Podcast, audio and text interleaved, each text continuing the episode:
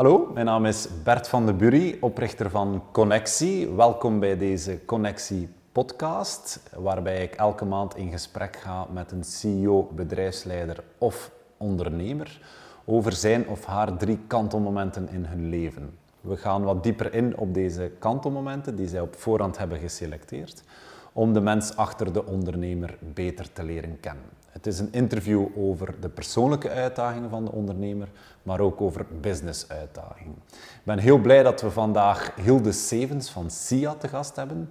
Hilde zal het onder andere hebben over haar uh, traject in het buitenland, waar zij heel veel heeft geleerd over van moeilijke situaties opportuniteiten maken over haar verblijf in Los Angeles, waar zij professioneel heel wat heeft geleerd. En ook over hoe de geboorte van haar uh, uh, kinderen eigenlijk haar heeft veranderd in haar rol als moeder en hoe zij anders tegen het bedrijfsleven uh, is beginnen aankijken. Ik wens je alvast heel veel kijk- of luisterplezier en van harte welkom bij de Connectie Podcast.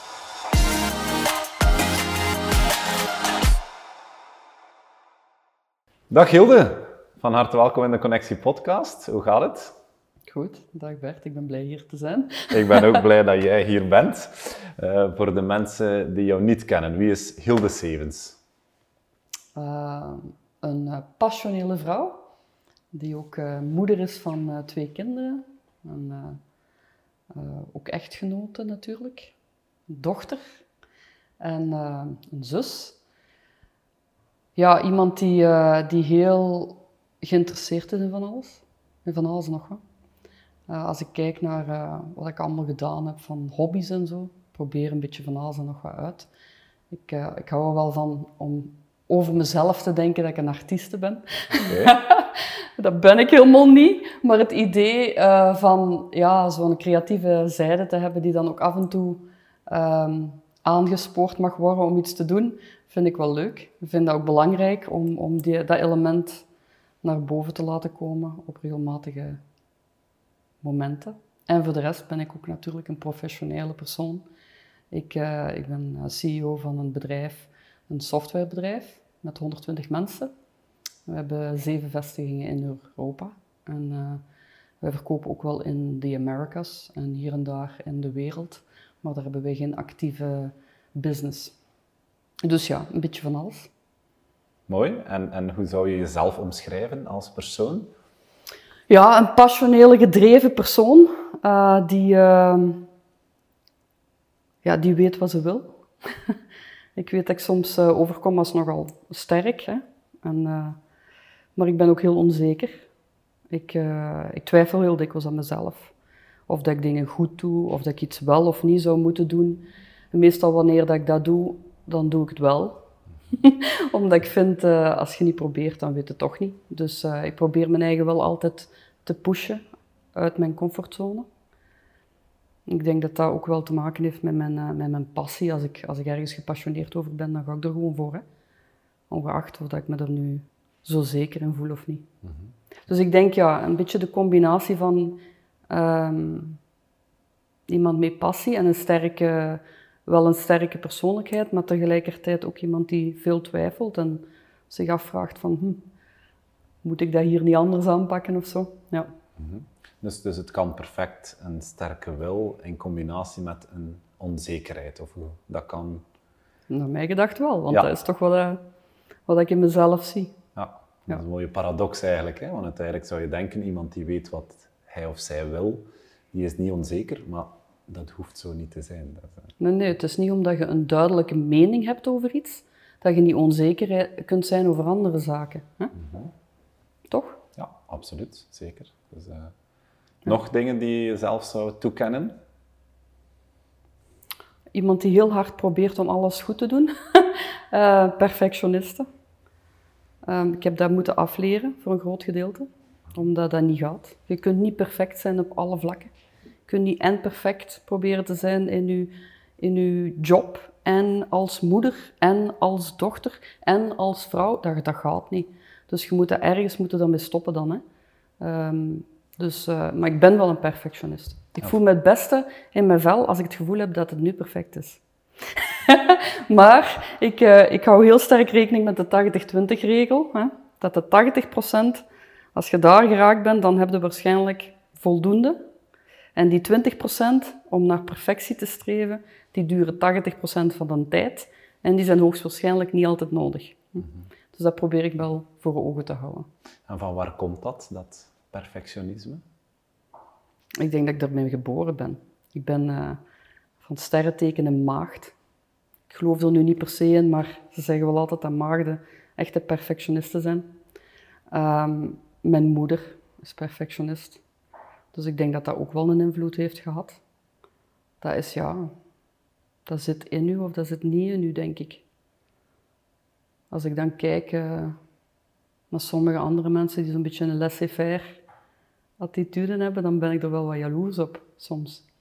Mhm. Maar ik probeer er dan ook iets van te leren en dat ook wat meer aan te meten. Hè. Ook eens een keer laissez-faire. Maar ik ging net zeggen, je zegt ik heb dat moeten afleren, dat perfect. Hoe doe je dat dan? Hoe leer je dat af? Door eerst en vooral bewust te zijn ervan. Hè. Bewust, je eigen bewust maken van het feit dat je gewoon te ver aan het gaan zit. Dat het verschil niet gaat maken. Hè. Ik heb dat bijvoorbeeld heel sterk, dat is nu misschien een beetje zot, maar ik ben enorm perfectionistisch als het gaat over een presentatie. Je maakt iets in PowerPoint. Als er een misalignment is, dan mag een halve millimeter zijn. Ik kan dat niet verdragen. Ik ga dat dan aanpassen en doen. En dat is allemaal, ja, dat, dat houdt geen steek, want dat is niet nodig. Hè? Maar uh, als ik mijn eigen niet tegenhoud, dan uh, tot kot in de nacht werken totdat dat perfect is. Maar ja, dat draagt niet, dat heeft geen toegevoegde waarde. Hè? Op een gegeven moment niet meer. Hè? Nee. Dus, uh, dus zo'n dingen, ja, er bewust van zijn en dan ook gewoon durven zeggen van oké, is genoeg. En op een gegeven moment ook, als je door, eigenlijk in mijn carrière, op een gegeven moment ging dat ook niet meer. Te veel werk. Er, moest, er moet te veel gebeuren, je moet bij te veel betrokken zijn om dat allemaal nog perfect te kunnen doen. Dat gaat gewoon niet. Dus dan moet, uh, ofwel gaat er dan onderdoor, uh, ofwel ja, word een beetje realistischer hè, op dat vlak op dat vlak een beetje aldoende geleerd. Ja. Dat Het, uh, naast... En ook, ook wel van managers of van leiders die, die mij zeiden van ja, maar Hilde, dat, allee, toch moeten nu toch niet meer mee bezig zijn. Mm -hmm. Het is toch goed genoeg? Mm -hmm. Oké. Okay. maar toch een, een, ja, hoe zeg dat, een dagelijkse strijd, denk ik dan. Hè? Als je, want uiteindelijk, als je daar dan je in verliest of je even niet bewust van bent, dan ja. val je snel terug in het... Uh, ja. Ja, ja, ja. Maar ik, dat, zijn ook zo van die dingen die je dan meekrijgt van thuis. Hè. Gelijk bijvoorbeeld, ik heb thuis nooit geweten dat er ergens rommel lag. Het huis was altijd opgeruimd. Ja, dat was niet van zichzelf. Hè. Dat was mijn moeder die dat constant aan het opruimen was en zorgde dat allemaal... Ik probeer dat thuis ook, maar dat gaat niet hè, met twee jongens. Dat is onmogelijk, hè.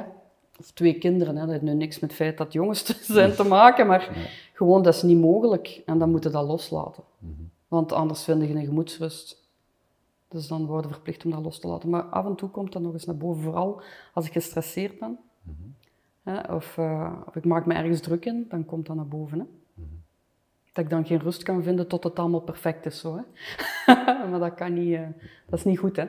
Dus ja, je moet er constant aan werken. Ja. En professioneel, je bent CEO van SIA. Wat is SIA? SIA is een softwarebedrijf. We maken uh, rekensoftware voor de bouwindustrie. Dus het zijn eigenlijk de burgerlijke en de industriële ingenieurs bouwkunde die gebruik maken van onze software. Mhm. En uh, die wordt eigenlijk gebruikt om uh, een analyses door te voeren van of de, een structuur al dan niet blijft staan. Mm -hmm. Dat kan een gebouw zijn, maar dat kan ook een infrastructuurproject of een brug of zo zijn.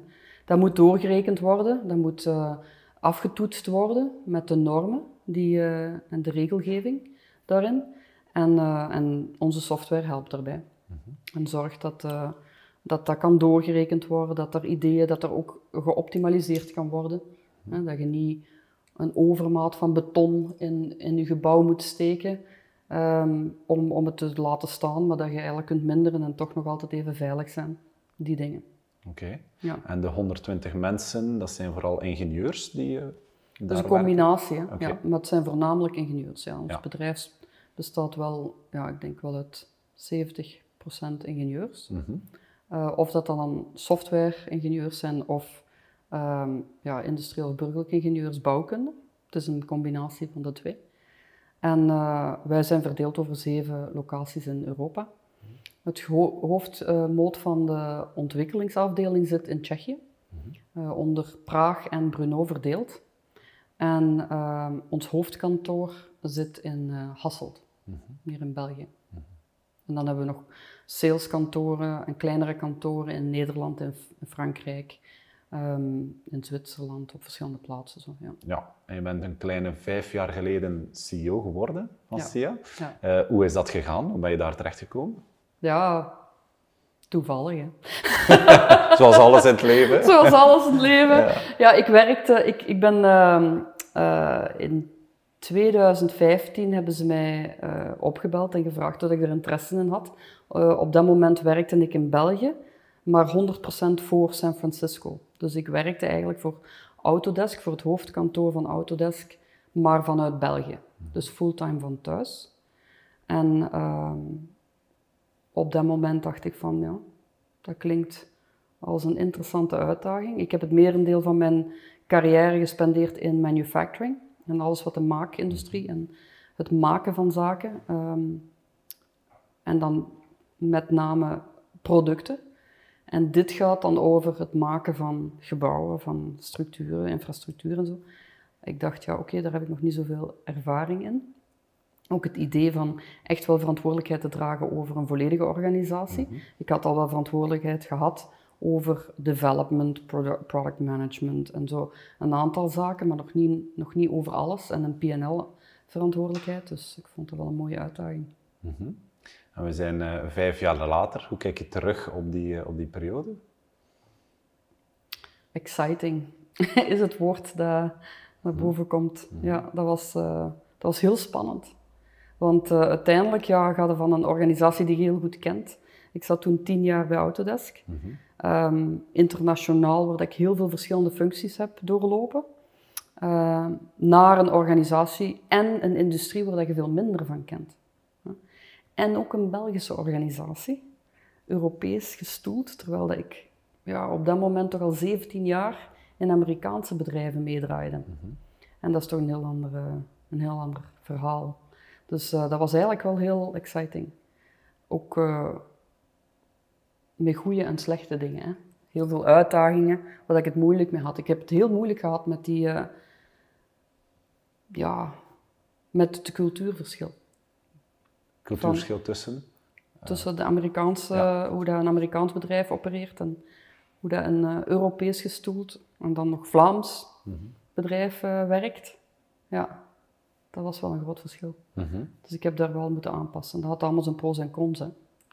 Ehm, maar bijvoorbeeld dingen die ik vanzelfsprekend vond, waren hier helemaal niet zo vanzelfsprekend. Dus ik heb me daar wel aan moeten aanpassen. Maar dat is leuk, hè? Absoluut. En wat drijft jou elke dag om eh, het beste te geven voor, eh, voor SIA op dit moment? Oh, de opportuniteiten die voor ons liggen.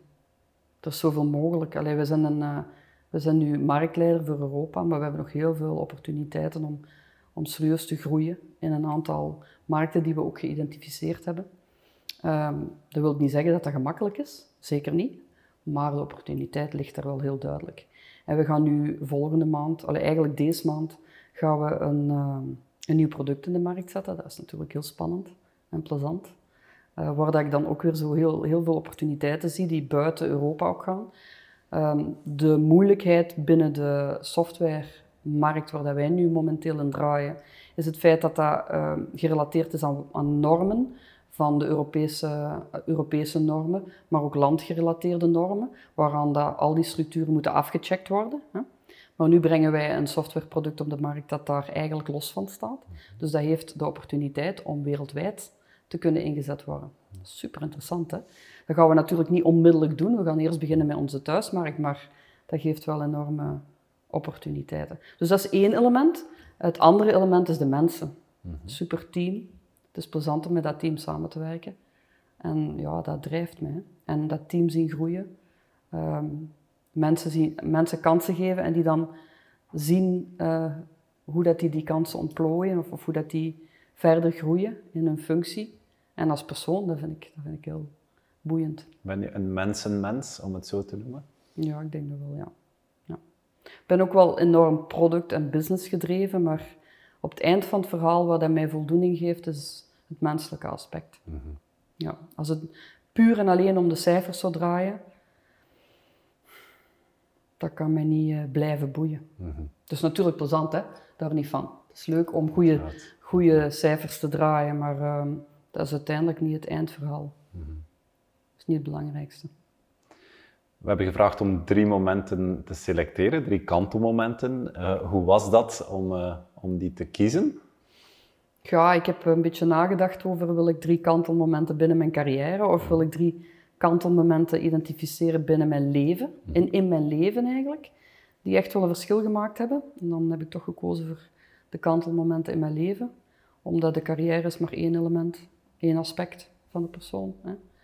Ehm, maar hoe dat die persoon in die, in die professionele situatie staat, komt van al de andere, al, al de rest. Hè. Absoluut. Vandaar dat, eh, ik, dat ik dus gekozen heb voor kantelmomenten in mijn leven. Super. En wel, we gaan over naar het eerste moment. En dat heeft iets te maken met Erasmus eh, Ja. naar het buitenland. Dus Ja. vertel. Ja, ik, eh, ik was productontwikkeling aan het studeren in Antwerpen. En als je van het derde naar het vierde jaar gaat, toen, ik weet niet of dat dan nog zo is, dan eh, heb je een opportuniteit om je in te schrijven om mee te gaan met Erasmus. En op dat moment was dat ofwel naar Delft ofwel naar Loughborough. En eh, ze vroegen dat eigenlijk aan mensen met goede punten op het eind van het jaar. Die kregen dan de vraag, wilde jij volgend jaar Erasmus doen? En ze hadden dat dus aan mij gevraagd, want ik had goede punten. En ik had er hoegenaamd geen zin in. Absoluut niet. Ik eh, zag dat niet zitten. Ik had een vriend. Ehm, ik zag niet zitten om die vier maanden niet te zien. Ik had nul ambitie om naar ja, Delft of naar Loughborough te gaan. Dus ik zei nee tegen die prof. Heel de zomer lang, lang mijn familie. Maar Hilde, en je moet dat proberen en je moet dat doen en je moet zien. En la. Ja, dus ik in september, ik dacht, ik had zo'n beetje een, een berekening gemaakt in mijn hoofd. Ik dacht, oké, er mogen maar twee mensen gaan naar Loughborough. Ik ga niet naar Delft, dat doe ik sowieso niet. Maar als ik dan toch moet gaan, dan wil ik naar Loughborough. Er mogen maar twee mensen gaan. We zijn met een grote groep. Mij gaan ze toch niet selecteren, dus wat kan het kwaad dat ik... Hè, met dan, en dan, zijn- dan is de familie content. Dus ik, eh, ja, ik geef mij op. Hè. En ik, ja, in november hoorde ik het dan. Hè. Het, was, het was zover, ze hadden mij wel geselecteerd. En ik herinner me dat nog goed, want de andere collega van de klas, die zat, die zat te springen van blijheid en zo. En ik stond er echt zo van, het is niet mogelijk! Ik moet echt gaan. nu moet ik ook nog gaan ook. ja, dus, dus in januari ben ik dan vertrokken. Die hele reis naar daar, dat was toen nog een ganse dag reizen. Hè. Dat was met een trein naar eh, Oostende, daar de ferry. Dan de trein naar Londen, dan de trein naar Loughborough. Dat was echt in the middle of nowhere, tussen Leicester en Nottingham. Ik wist niet waar dat ik naartoe ging. Ik had dat ook niet kunnen opzoeken of zo. Hè. Het is niet alsof dat je op het internet even kon kijken Ja, van... Hoe ziet die universiteit eruit? Hè? Of waar moet ik zijn? Of gelijk wat. Dus kwam daar na een ganse dag reizen en ik weet niet veel tegenslagen. Allee, alles wat ik mij voorgenomen had dat verkeerd ging gaan, ging gaan dat, dat ging ook effectief verkeerd. Komen we eraan, samen met mijn, eh, die, die andere studenten. S'avonds laat, in de mist, niks te zien en ze hadden geen plek voor ons. Normaal gingen we een dorm, dormroom krijgen. Er was geen dormroom, er was geen plek. Oké, dan moesten wij een nachtje overblijven in de, ehm, in de leraarkwartier. Dat ze dan zo hadden voor guest eh, lectures. En eh, ik dacht, ja, dat is hier een dikke grote ramp. En zo was dat dus drie weken dat dat eigenlijk misliep. Ging naar die les, hè, ik moest dan ergonomics volgen. Ik dacht, ik had nooit Engels gehad, maar ik dacht, mijn Engels is niet slecht. Dat was juist Chinees. ik verstond er niks van. Ik dacht, wat is dat hier? Dat komt niet goed. Ehm, en eh, ja, drie maanden, eh, drie weken later, dus ondertussen had ik dan een kot gevonden bij een landlady. Dat was buiten het hele centrum. Dus ik zat er kwijt niet hoe ver vanaf, helemaal alleen. Die landlady was een speciaal geval. Daar had ik al zoiets van, ik vond dat dat huis vuil was. Allee, echt alles, alles, alles viel tegen. En dan eh, had ik besloten, wat, na drie weken, ik ga eens een keer een weekendje naar huis. Dan ga ik mijn batterijen opladen, want ik moet dat hier nog, nog meer dan drie maanden, hè, moet ik hier nog door. Hè. Dus ik naar huis, weer de ganse dag gereisd.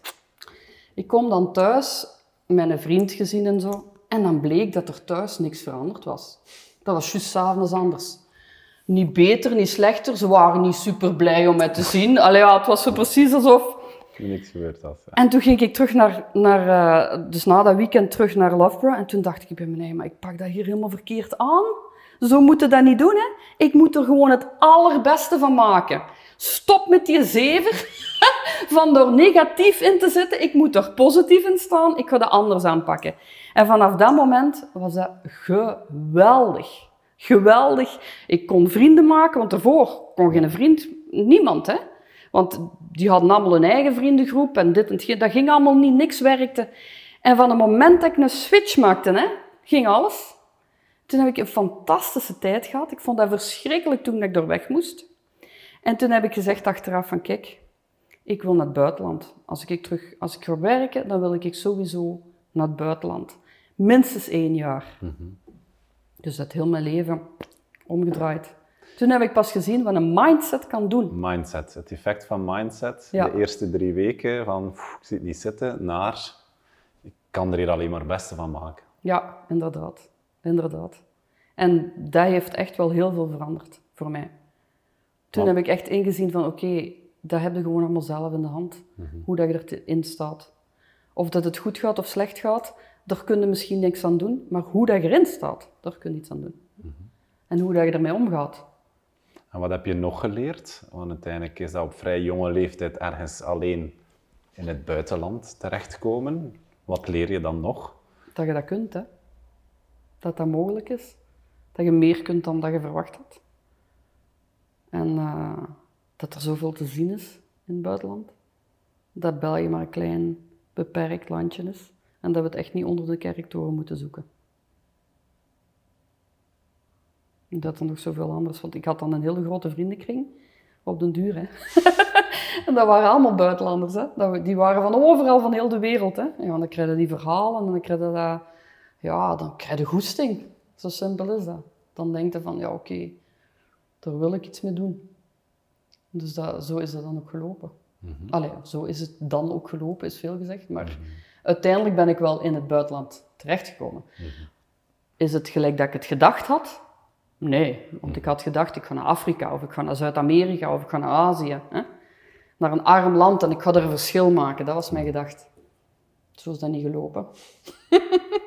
maar ik ben wel naar het buitenland gegaan. En daar is dan eigenlijk het eh, zaadje geplant om dan die buitenlandse avonturen, waar we straks nog gaan over hebben, Ja. eigenlijk aan te gaan. Stel dat je niet op Erasmus was geweest, was dat, Hans, was dat een Hans ander verhaal geweest dan? Had je dan Ik, ik vrees van wel.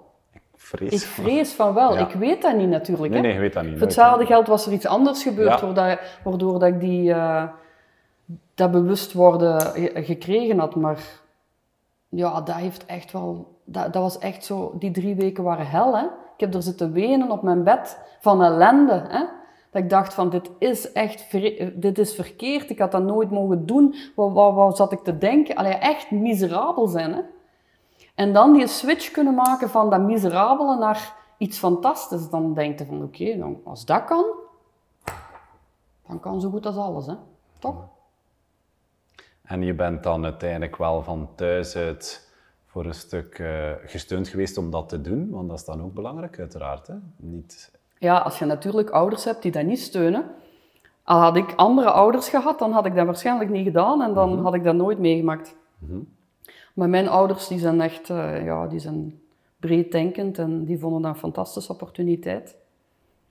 En die hebben dus alles eraan gedaan om mij toch maar mee te sturen. Ja. Ja, want in welk nest ben je opgegroeid? Je hebt één zus, had ik begrepen. Nee, één broer. Eén broer, Ja. dus je bent zus van. Ja.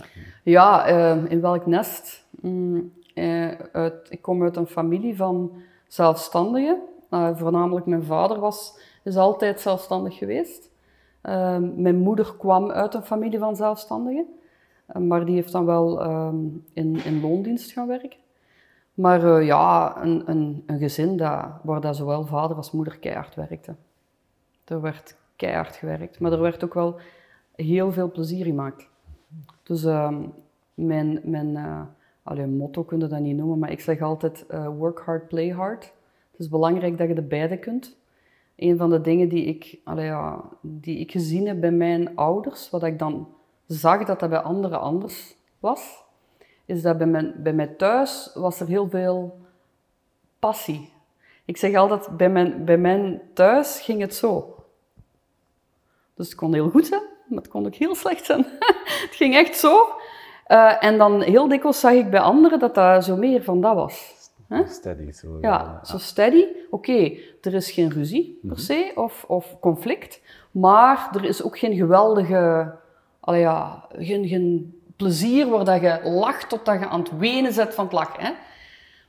Dat was er dan ook niet. Dat was er bij ons thuis wel. Dus uh, dat vind ik wel, ja, ik vind dat wel iets. Je kunt u de vraag stellen: wat is het beste? Ik denk dat dit beter is dan dit. Hè? Maar je moet er natuurlijk wel mee om kunnen. Ja, want die dieptes zijn ook dieptes. Hè? Maar ze zeggen soms, allee, ik denk dat, dat dat ook wel waar is, je kunt geen geluk ervaren als je niet weet wat het is om ongelukkig te zijn. Toch? Dus allee, bij ons was dat ja, hard werken. En dat was ook, dat was ook hetgeen wat ik geleerd heb. Hè. Hard werken. Wilde je ergens iets bereiken in je leven?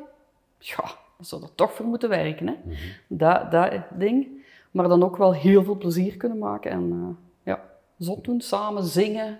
En uh, ja, ja, plezant. Ja. Maar wel meegenomen naar wie je nu bent eigenlijk. Dus dat, dat, dat, zijn nog altijd dingen dat je ook zelf ook toepast. Hard werken en dan Ja, probeer ik wel. Probeer ik wel, ja. Ik vind dat ik niet altijd uh, slaag, maar ik probeer dat wel, ja. ja. Mhm. Dat er ook genoeg plezier kan gemaakt worden. Hè? Mhm. Dat er tijd genoeg kan gemaakt worden voor elkaar. Ja. Nu, ik moet zeggen, mijn, mijn vader was er bijna nooit, hè, dus die was er dikwijls geen deel van. Maar langs de andere kant, ik ging dan ook bijvoorbeeld met mijn vader met de camion naar Nederland om, om goederen te gaan halen. En dan zaten wij de ganse, de ganse rit, en dat was dan vier uur lang rijden, te zingen en moppen te vertalen en onnozel te doen. Allee ja, die ervaringen had ik dan ook wel, ondanks het feit dat je dan... Hij, hij zei altijd van, je moet het nuttige aan het aangename koppelen. Voilà. En dat, dat, werd dan ook wel dikwijls zo gedaan, ja. ja. ja. Want hoe, eh, even terug naar Erasmus, hoe lang ben je dan op, op het Erasmus-traject in totaal geweest? In ja, vier maanden. Vier maanden, je komt dan terug thuis. Ja, dus je had het lastig om terug te gaan dan. Wat gebeurt dan als je terug thuis komt? Ja, dat is wel een uh, koude douche, hè. Dan kom je terug naar, de, ja, naar hoe dat het eigenlijk altijd geweest is. En uh, iedereen rond u is hetzelfde, maar jij bent totaal veranderd.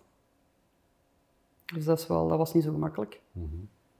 Maar ik ben er dan wel terug ingerold. Ik, ik zeg ooit van mezelf dat ik een chameleon ben. Ik kan me in principe wel overal thuis voelen of aanpassen. Mhm. En misschien heb ik dat ook wel in Erasmus geleerd, dat weet ik niet. Hè? Maar, uh, maar ik kan me wel aanpassen aan de situatie.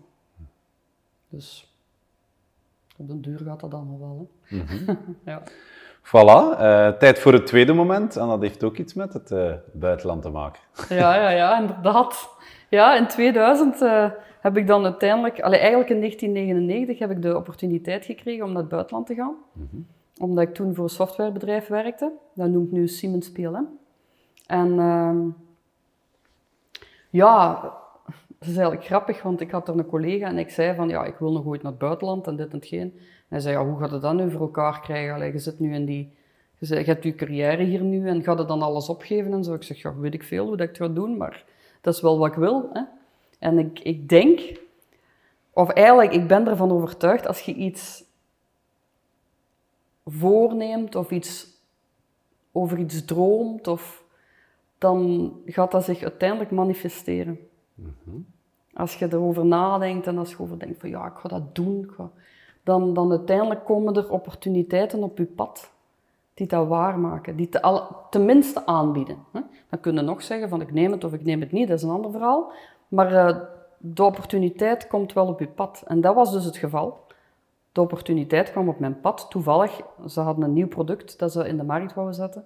Ze deden daar een testronde van met de application engineers. Want ik was toen uh, consultant slash application engineer. En dat was nu toevallig een product dat matrijzen design deed. En ik had er ervaringen door voorgaande ervaringen in, in mijn werk. En uh, ik had dus veel commentaar. Ik had gewoon gezegd van dit ding werkt niet. Als jij denkt dat je door matrijzen mee kunt ontwerpen, dat kun je vergeten, want ik heb er zelf ontworpen en dit werkt niet. En toen hebben ze gezegd van, als dat zo zit, waarom konden we ons dan niet helpen in Los Angeles om te zorgen dat het wel werkt? Ik dacht, oké, leuke opportuniteit. Ik had dan gezegd van, ik wil wel gaan, maar maar voor één jaar. Want ik dacht, in Amerika wil ik wel niet blijven hangen. Hè? Eén jaar en dat is het. Dus ja, ik naar Amerika voor één jaar met twee valiezen. Dat is al wat ik had. Hè. Twee valiezen. Kende door niemand. Niks. Los Angeles. Ik dacht, ja, ik kom er ergens in een stad terecht. Maar Los Angeles is suburbia. Dus er is nergens geen stad. Ik op zoek naar een, een kerk, Tarara. Hè. De mall is, de kerk, is, de, is het centrum van, uh, van de city. Hè. Dus uh, ja, dat was een, dat was een heel interessante ervaring waar ik met mijn eigen dikwijls ben tegengekomen. Mm -hmm. Dat was niet... Alleen dat had zijn ups en zijn downs, zo'n beetje dat verhaal. Hè. Fantastisch. Wandelt naar Huntington Beach, je zit er aan het strand, terwijl iedereen in de regen zit in, in België. En je denkt bij wijgen, mannen, geweldig, hè? En de week later zitten thuis een beetje te tokkelen op een gitaar. Je denkt bij wijgen, waarom zit ik nou niet gewoon bij mijn vrienden thuis in België? Wat, zijn, wat, wat is er verkeerd met mij dat ik hier wil komen zitten? dus het is die twee elementen die je dan hebt. Uh, maar overwegend heb ik daar wel mijn eigen on top of the world gevoeld. Hè? Op welk vlak dan? Als ik dat kan, kan ik alles. Hè? Als ik met twee valiezen naar L.A. kan verhuizen en er iets van maken, dan zal alles wel lukken. Dus voor je zelfvertrouwen was dat een... Ja, was dat een boost. Hè? Een boost, ja. ja, ja. Plus, ik heb er ook wat hele leuke dingen aan overgehouden. Um, ik heb er een hele goede relatie met mijn ouders aan overgehouden. Want het grappige van de zaak is, als je dan ineens zo ver weg zit, dan gaan die gesprekken niet meer over of dat het al dan niet aan het regenen is. Hè? Of onbenulligheden, maar dan gaan die gesprekken over echte dingen. En wat, wat dat u beweegt en wat, dat u, wat dat je mee bezig bent en ook wat dat zij mee bezig zijn. En dan wordt die een band, ja, die wordt helemaal anders. Ik heb dat nog van mensen gehoord die naar het buitenland trekken en die echt een veel betere relatie krijgen met hun ouders. En dat was bij mij ook zo. Dus uh, ik heb er hele, ja, ik heb er heel positieve dingen aan overgehouden. Mm -hmm. Want uiteindelijk kom je toe, je hebt uh, niemand, bij manier, of je kent niemand. Bouw je daar dan ook een eigen ja, netwerk op, om het zo te noemen, van vrienden, van, van, van kennissen? Ja, maar in Amerika werkt dat voornamelijk via je collega's. Hè? Mm -hmm. Dus in Amerika heb je uw collega's die uw vrienden worden. Dat is daar heel normaal. Mhm. En uh, ik had dus heel veel internationale collega's over, van over heel de wereld. Ik herinner mij naar een feestje te gaan. Er was, ik denk, 18 man en het waren 16 nationaliteiten. Zo, dat. Ja, vind dat hier maar eens in België. Hm? Dat was zo'n beetje het Loveborough gevoel. Hè? Want daar was dat ook zo. En... Uh, dus ja, je, je, maakt er dan vrienden. Dus dat waren natuurlijk allemaal, allee, natuurlijk zeg ik nu, maar dat waren allemaal vrijgezellen. Die hadden voor de rest niks om handen. Geen familie, geen, geen kinderen, niks. Dus ja, dat was super plezant. Ik heb er dan ook een bandje, ik, ik heb dan een bandje opgericht. Was ook niet gepland, maar toevallig. Want ik zat hier in een bandje, waar dat we, we hebben nooit niks gedaan, buiten gerepeteerd, maar was wel leuk. En ik wou daar dan ook iets doen met muziek. En uh, ik had dan met zo een soort van uh, jam-sessie meegedaan. Mm -hmm. En er zaten dan zo wat mensen tussen die zeiden van, tja, dat klinkt hier eigenlijk wel goed, waarom starten we geen bandje? En voordat we het wisten, was er een bandje. Dus allee, ja, ik heb er hele leuke dingen gedaan die ik misschien hier nooit had kunnen doen of, of durven doen. Want ook allee, ja, in dat bandje, hier hebben we nooit opgetreden, had ik ook nooit gedurven. Mijn zelfvertrouwen was gewoon niet goed genoeg. Mm -hmm. Om daar, want ik was dan ook de zangeres en gitaar. Ja, dat stond echt wel in de spotlight. Dus dat durf ik gewoon niet. Mm -hmm. Terwijl daar, hè, daar worden aangemoedigd tot en met, dat maakt helemaal niet uit of dat, dat klinkt of botst, hè, dat je er staat. Dat is van belang. Dat je durft dat podium op te kruipen. En die gaan er alles aan doen om te zorgen dat je op dat podium kruipt. En of dat je dat nu klinkt of niet klinkt, die gaan dat geweldig vinden. En dat geeft zo'n boost. Hè. Dan, dan durfde dat ook te proberen. Hè. Dat is, dat is het voordeel van Amerika. Hè? Ja, en daar wordt de durf in de kijker gezet eerder dan het resultaat. Ja, inderdaad. Het lef hebben, ja. dat is hetgeen wat dat telt. Hè? En dat wordt aangemoedigd. Mm -hmm. En of dat, dat resultaat dan goed is of niet, dat is een kwestie van verbeteren en mm -hmm. dat kun je aan werken. Hè? Maar het lef hebben van, de, van die stap te nemen, dat is hetgeen wat ze dan knap vinden. Hè? En waar dat je dan ook voor, ja, waar dat ze ook van zeggen, oké, kijk hoe gedaan. Terwijl hier, hier is het toch heel dikwijls van, hmm, eens kijken wat ze doet. Gaat dat hier wel goed zijn? Hè? Dat geeft toch een heel ander gevoel, hè? Dan durfde niet zoveel, hè? dat is logisch, hè? Dus, ja, Super. En uiteindelijk een bandje uh, die in LA is ontstaan. Klinkt Ja. ook wel beter Ja, dan dat een klinkt, bandje ja, inderdaad. die in Ja, ik had een band in L.A. zo, zo big was het allemaal Nee, niet, maar maar toch, maar toch. Ja, ja. En wat heb, je, wat heb je nog geleerd van de Amerikanen of van de Amerikaanse mentaliteit? Ja, eh, ik ben daar naartoe gegaan met, met dezelfde vooroordelen als de typische Vlaming. Ja. Van, ja, oppervlakkig en dit. En allee, zo echt zo van, goh, eh, je wandelt een winkel binnen en ze staan er met een grote smile, maar dat is alleen maar om een tip te krijgen of iets te kunnen verkopen of gelijk wat. Hoe oppervlakkig kun je zijn? Wat ik geleerd heb, hè, dat is dat veel beter, allee, ik, dat ik persoonlijk veel liever naar de winkel ga. Oeps, sorry. Dat ik persoonlijk veel liever naar de winkel ga eh, waar dat ze met een smile mij begroeten, ongeacht hun motieven, dan een winkel binnenkomen waar dat ze met een lang gezicht staan. Het is nog te veel dat ze u helpen. Ik denk dat dat hier, ondertussen is dat hier al wel veel verbeterd, moet ik zeggen. Maar toen in de tijd was dat nog heel erg zo. Ehm, dan geef mij dan maar dat oppervlakkige. Want er worden veel, veel vrolijker van. Als je nu gaat winkelen en je, je wandelt vijf winkels binnen, worden ze allemaal met een smile u verwelkomen. Ik kan u garanderen dat je u veel beter voelt naar die vijf winkels, dan dat je hier vijf winkels binnenloopt waar ze met een lang gezicht staan, ongeacht of dat, dat dan eh, authentiek is. Hè? Dan geeft mij dat ander maar. En ik denk dat dat positivisme van de Amerikanen, dat dat, dat, dat er ook een, een afgeleide van is. Het is natuurlijk niet voor iedereen, hè, want Amerika is zoveel verschillend. Ik ken alleen maar Californië. En in Californië, ja, de laid-back life, zeggen ze dan. Ehm, ja, er zijn mensen vrolijk, vriendelijk. Ehm, je kunt er ook niet ergens naartoe gaan zonder dat je eens even met iemand de klappetjes laat. Hè. Je gaat een winkel binnen en garantie dat je vijf minuten even met iemand babbelt. Is dat fundamenteel? Is dat diepgang? Nee, maar dat is wel aangenaam. En als je alleen bent in zo'n spot, dan is dat nogal wat plezanter als dat je ergens bent waar dat je eerst een diepe relatie moet opbouwen met iemand vooraleer dat je een gesprek kunt aangaan.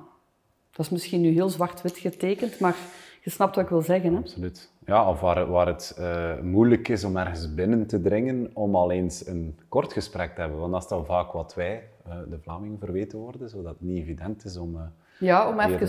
Ja, om even, maar dat vind ik wel interessant, omdat je, zeker als je ergens één of alleen naartoe gaat, is dat uiteraard veel dankbaarder, denk ik dan. En, en al is het maar een keer een snelle eh, babbel of een vriendelijke glimlach, dat jou een, een goed gevoel geeft. Maar, Ja, ja want ik had al het, het interessante was dat ik vriendinnen had, die kwamen dan op bezoek.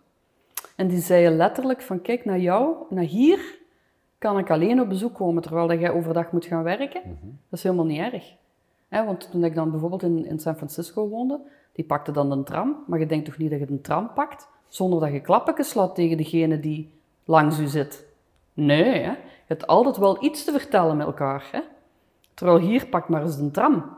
Hoe dikwijls heb je een gesprek met iemand? Ik doe dat nu bewust. Hè? Ik maak er een punt van, van een gesprek te hebben. Hier, als je hier bent, oké. Ja. Ja, of als ik eh, door de stad loop en ik zie iemand, om daar vriendelijk goeiedag tegen te zeggen met een smile. En meestal, als je dat doet, dan lachen mensen terug en dan zeggen die goeiedag terug. Maar als je dat niet doet, dan lopen ze voorbij. Hè? Dus ik denk, iedereen kan daar een verschil in maken. Door zelf het initiatief Door te zelf nemen. het initiatief te nemen. Ja. Want ik heb op de tram in Antwerpen al dikwijls een leuk gesprek gehad met iemand. Onverwachts, doordat je De gewoon gesprek door het gesprek zijn. aan te gaan, ja, inderdaad. En ik zal, ik zal nu niet zeggen dat ik er altijd zin in heb, hè. dat is ook niet waar. Hè. Maar ik denk als je, als je er bewust aan denkt en dat bewust doet, ah, er haalde heel veel uit. Want je ziet ook aan de mensen, mensen hebben dat nodig. En vandaag de dag met al, het al de eenzaamheid rond ons, mensen hebben dat gewoon nodig van een keer een klappetje te kunnen doen. Al is dat maar over iets onbenullig. Hè? Gewoon dat, ja, dat persoonlijke. En dat heb ik wel geleerd in Amerika. Absoluut. En het, uh, het plan was één jaar, maar het heeft iets langer geduurd. ja, het heeft elf jaar geduurd. Ja. Twee eentjes, ja. Ja, ja, ja. ja ik ben eigenlijk... Uh, na, na één jaar kreeg ik een opportuniteit in mijn carrière om een andere, de volgende stap te nemen. En toen zei ik tegen mijn ouders, ja, ja dat moeten we wel snappen. Hè. Krijg je hier die opportuniteit? En ja, tegen die tijd had ik zoiets van, je moet toch ergens twee jaar zitten vooraleer dat je echt weet van, hoe zit dat hier eigenlijk? Hè? Hoe zit die maatschappij in elkaar? Hè? Dus ja, oké, twee jaar dan. Hè? Maar na twee jaar zat ik dus vol een bak in die band en we waren aan het optreden en zo. En dat was heel tof. En uh, ja, toen kon ik toch ook niet vertrekken. en zo ging dat van het een naar het ander. En dan uiteindelijk kreeg ik een opportuniteit om naar San Francisco te verhuizen. Uh, na vijf jaar in LA. Um, ehm, en daar dan bij Autodesk te beginnen. En dan dacht ik van, ja, San Francisco is prachtig, hè. Dat is, toch nog wel, dat is eigenlijk toch een uitdaging die ik niet mag laten liggen. en zo ben ik dan uiteindelijk ook weer gewoon alleen naar San Francisco vertrokken, zonder dat ik door iemand kende. Hè. En ja, dat lijkt nu dicht bij elkaar, hè, LA en San Francisco, maar dat is uh, ja, zover als hier, hier in Rome of zo. Hè. Mm ja, dat is heel ver uit elkaar. Hè. Um, ja, het is niet waar. Het is, het is minder ver. Het is uh, acht uur rijden, zeven à acht uur rijden. Dus het valt beter mee dan dat, maar, uh, maar toch. En de mentaliteit en de cultuur is helemaal anders. Dus ja, je zit nog wel in Engels sprekend uh, en, in Californië, maar het is een hele andere cultuur. En dus het was ook weer een hele, een verandering. Hè. Maar daar ben ik dan met een man tegengekomen. Die werkte daar ook. die was ook verhuisd vanuit België naar daar voor zijn werk. En uh, ja, van het een is het andere gekomen. En dan na zes jaar zijn wij terug verhuisd. Je terug naar, uh, naar België verhuisd. En hoe was dat om terug te komen? Tja, dat was bizar. Omdat wij wilden eigenlijk allebei een andere job dan gaan zoeken. Hè? Maar mijn bedrijf zei van, ja maar nee, wij willen nu eigenlijk aanhouden. -huh. uh, werk dan maar remote vanuit België. En dat heb ik dan gedaan. En uh, mijn man, uh, die is wel gestopt met zijn job. Die is hier een andere job begonnen, maar dat beviel hem niet. En die is dan binnen de kortste keren, al ja, binnen een jaar, is hij dan terug voor een Amerikaanse start-up in Silicon Valley begonnen. met, uh, met een aantal van zijn ex-collega's. En dus ja, wij zaten daar met twee man fulltime voor Amerika te werken. Hè, voor San Francisco. Allebei ons hoofdkantoor in San Francisco. We gingen elk kwartaal minstens één keer naar San Francisco. En dikwijls ging ik ook nog naar andere plekken. Hè? dus, uh, dus ja, dat was wel heel bizar. Want iedereen werkte hier gewoon, ja, gewoon hier. Hè? Mm Terwijl wij zo in zo'n rare situatie zaten. Dus ik denk, moest dat... Dus, dus dat heeft misschien wel die een overgang wat verlicht. Omdat we die connectie wel behielden, heel sterk. Terwijl dat we dan toch hier waren, toch de familie, toch dat allemaal hadden, maar die connectie niet verloren. En er ook regelmatig naartoe konden. Dus ik denk dat wij een beetje een transitieperiode hebben gehad op die manier. Mm Maar alle twee, door jullie uh, Amerikaans avontuur, toch wel een, hoe zeg je dat, een, uh, een wereldwijde mindset zo? Een, een uh, niet kerktorenmentaliteit, maar toch wel een, een bredere kijk? Of hoe moet ik dat zien? Of dat we dat allebei hadden? Ja, en hebben. En, en ja, dat is wel zo. Door, door, ik bedoel dan door die ervaring van ja, in het buitenland zo lang te, te wonen als Belg? Ja, dan, dan realiseerde u dikwijls hoe kortzichtig dat wij hier zijn. Mm -hmm. En hoe dat wij toch ons eigen veel en veel te veel inperken in ons denken. als ik zo soms start-ups of, of ik lees iets over mm -hmm. mensen die iets ondernemen binnen België en ik zie dan dat ze binnen Vlaanderen van alles willen doen. Of, en er is niks mis mee, hè. Maar dan denk ik dikwijls bij mijn eigen, maar allez, je hebt hier een product of je hebt hier een opportuniteit die, die gewoon wereldwijd kan ingezet worden. Waarom blijf je dan in Vlaanderen hangen? Dat is toch niet, allee, ja, je ziet het eens wat groter. Ziet het eens wat, wat breder. Heb dus wat meer, meer ambitie, ambitie, meer durf. En waarom is dat dan, dat ze dat niet willen doen? Ik denk dat dat een kwestie van die risico niet... Risk averse. Gewoon ja, het risico niet willen aangaan. Ik denk dat heel dikwijls mensen denken dat het, ehm, als je een risico neemt dat dat, en dat mislukt, dat, dat dat het einde van de wereld is. Maar dat heb ik nu juist geleerd in Amerika, hè? dat dat helemaal niet zo is. Dat is een leerproces. Als dat nu mislukt is, ja, dan heb je er toch wel heel veel van geleerd, denk ik. Dus als je dan het volgende doet, ga je dat beter doen. Hè? Dat is ook het grappige in, in Silicon Valley. Als je dan een start-up hebt, een van de kwaliteiten die ze, die ze eigenlijk appreciëren als ze gaan een fundingronde doen, is als een founder al een paar mislukkingen heeft gehad. Dus al een paar keer van alles geprobeerd heeft, maar dat is allemaal niet gelukt. Dan zeggen ze van, ah, dat is een mens die al het een en het ander weet. Hè? Dat is een voordeel, zo Ja, dat is, een, dat is een serieus voordeel. Hier zou dat een serieus nadeel zijn. Omdat wij niet inzien dat dat gewoon een deel van, dat dat een, een, een deel van het proces is. Het is juist door die mislukkingen, door, door, door die dingen te proberen en dan te zien dat het niet lukt, dat je eigenlijk weer de volgende stap kunt nemen. hè? Dus daar moet je geen schrik van hebben. Maar omdat de maatschappij hier er anders tegen kijkt, en als je mislukt, krijg je direct de stempel van hè, mislukt, gaan mensen veel minder risico's nemen. Dat is logisch, hè? Dat is een gevolg eigenlijk. Hè, van, van... En hoe keerde dat om, hier, bij ons dan? Door dat uit te dragen. Door dat te vertellen, door, door, door, door mensen duidelijk te maken van de- dat, dat, dat je gewoon soms een risico moet nemen. En een risico moet niet zot zijn, hè? dat kan een berekend risico zijn, hè? maar wel durft eens iets. Durft gewoon eens iets. Hè? Take the jump off the deep end, zeg ik. Wat kan er gebeuren? Gaat het doodgaan? Oké, als je dood gaat gaan, dan moet je er dus even over nadenken, want dat is misschien geen goed plan. Ja. Maar eh, Dus de vraag stellen, wat is het ergste dat kan wat gebeuren? is nu het ergste dat gaat gebeuren? Ja. Hè? En meestal kom je dan tot de conclusie, valt best mee.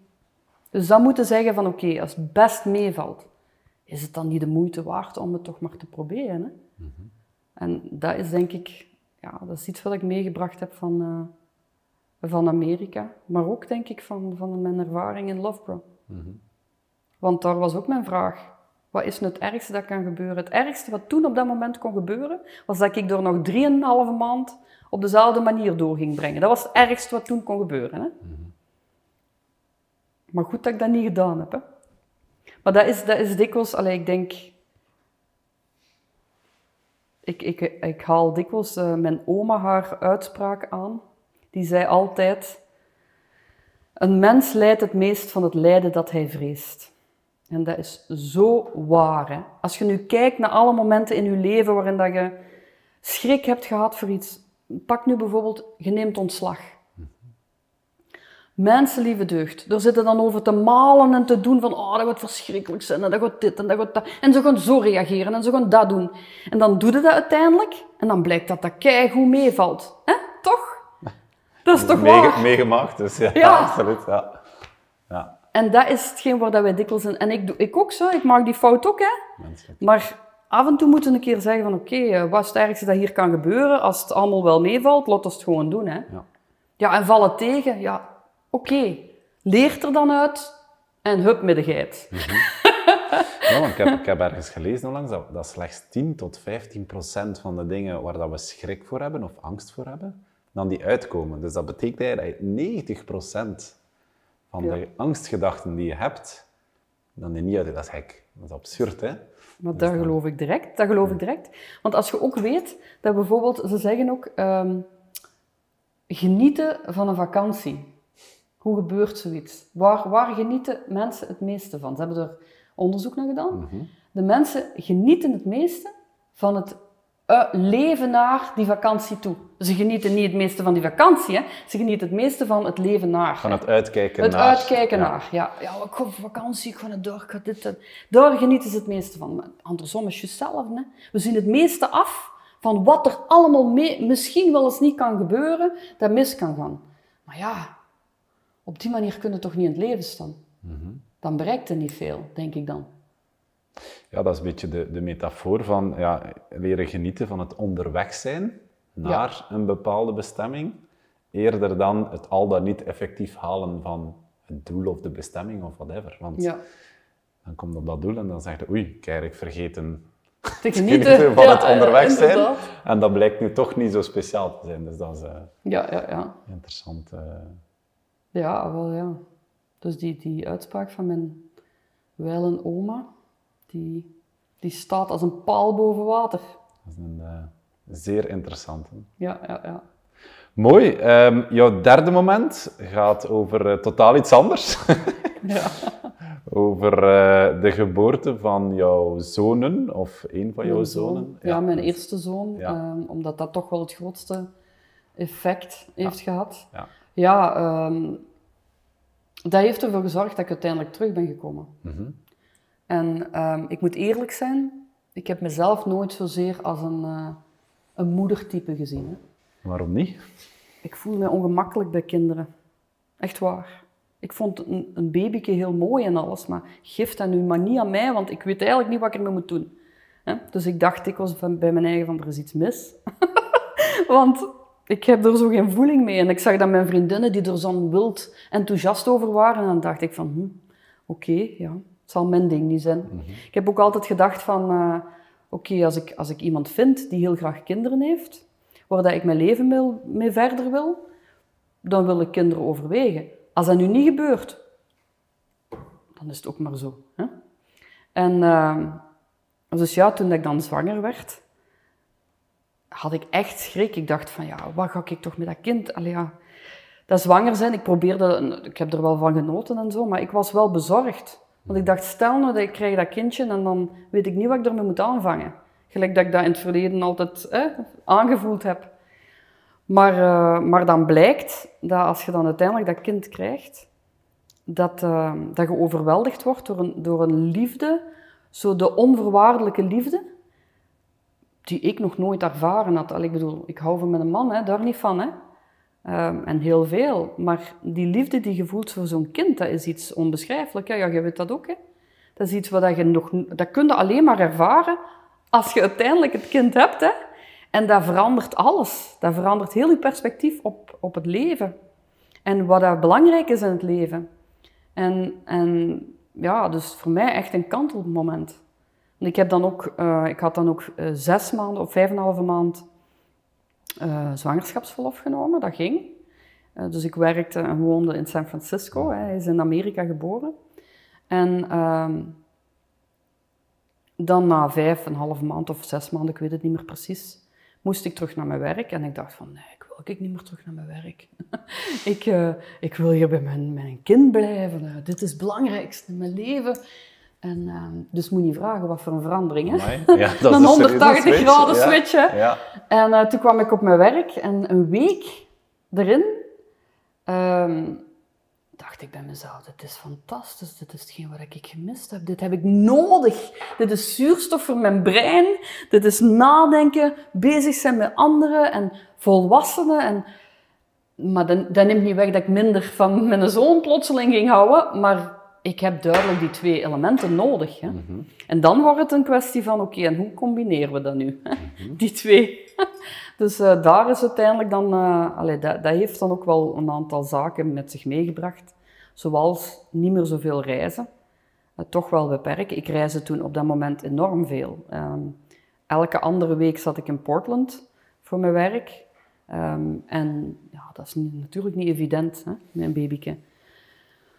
Dus ja, daar, daar, uh, daar begon ik dan anders tegenaan te kijken. Hè, van oké, okay, uh, misschien wil ik dat op termijn toch niet op, op, zo'n intensi op dezelfde intensiteit blijven doen. En wat betekent dat dan? Een kind opvoeden in San Francisco?